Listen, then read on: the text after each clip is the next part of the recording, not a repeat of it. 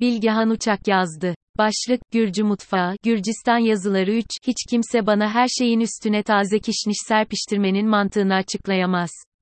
Kişniş zaten yoğun tadı olan bir ot ve neyi eklerseniz tadını değiştiriyor. Tamam bu zaman zaman iyi olabilir. Gürcüler bu kişnişli tadı çok seviyor da olabilirler ama tatlı patatesin tavuk suyu çorbaya, kavurmadan mantıya her yemek kişnişle güzel olamaz. Ama Tiflis'te kişnişsiz yemek bulmak deveye hendek atlatmaktan zor. Mantı dedim yukarıda, aslında, hinkali, demek istedim. Hinkali, kökü Moğollara dayanan yumruk büyüklüğündeki mantıya deniyor. En az 5 tane ısmarlıyorsunuz. Peynirlisi mantarlısı falan da mevcut ama tabii kıymalısı varken diğerleri ancak sofranın üvertürü olur. Lakin sanmayın ki kıyma kişnişsiz. Yumruk büyüklüğündeki bu bohçayı elle yemek gerekiyormuş, büyümünden ısırıp suyunu içe içe. Ben elle yemek yemekten nefret ettiğim için bıçağa sarıldım, böyle olunca da suyu hep tabakta kaldı. Gene de elle yemektense varsın suyu dışarı aksın. Mantı genellikle bir sosa ihtiyaç duyar, işte Çin mantısı soya ile Kayseri mantısı yoğurtla yenir ama Hinkali'yi geldiği gibi yemek gerekiyor. Gel gelelim, T. Kemali, Ajika gibi otantik sosları olan Gürcüler nedense Hinkali'ye bir sos dökmeyi akıl edememişler. Hinkali'yi bırakıp haçapuriye geçelim. Haçapuri, en basit ifadeyle peynirli pide.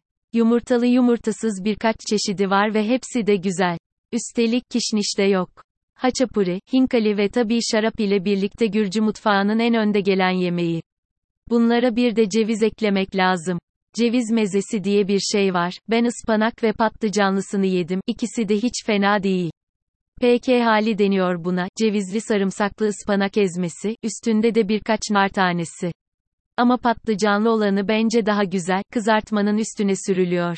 Tiflis'e gidip de yemeden dönmenin kabul edilmeyeceği şeylerden biri de manda sütünden yapılan sulguni peyniri.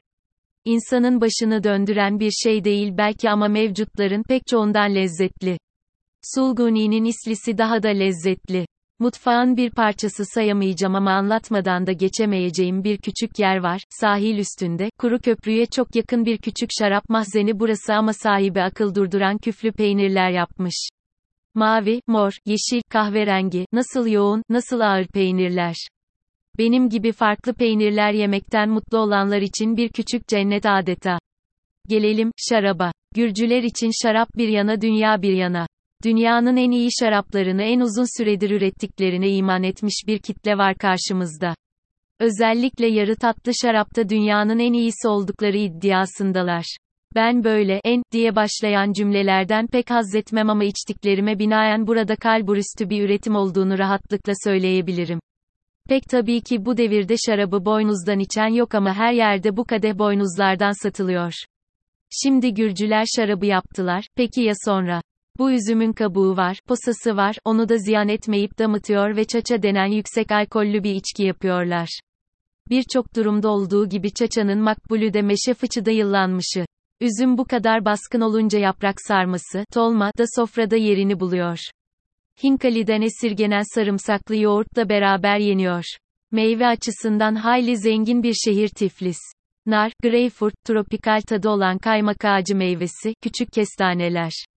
Bir de Türkçe adını bulamadığım, kovahuri, denen, frenk üzümüne benzer bir yabani çalı yemişinden söz edeyim. Benim Tiflis'e geldiğim Kasım ortasında turistik olmayan mahalle manavlarının tezgahlarını şenlendirmişti. Küçük dallara tutunmuş, üstleri beyaz benekli mini mini kırmızı topçuklar. Boyundan büyük bir mutluluk veriyor yedikçe. Gene de Tiflis'in bir mutfak nefaseti vaat etmediğini itiraf etmek lazım.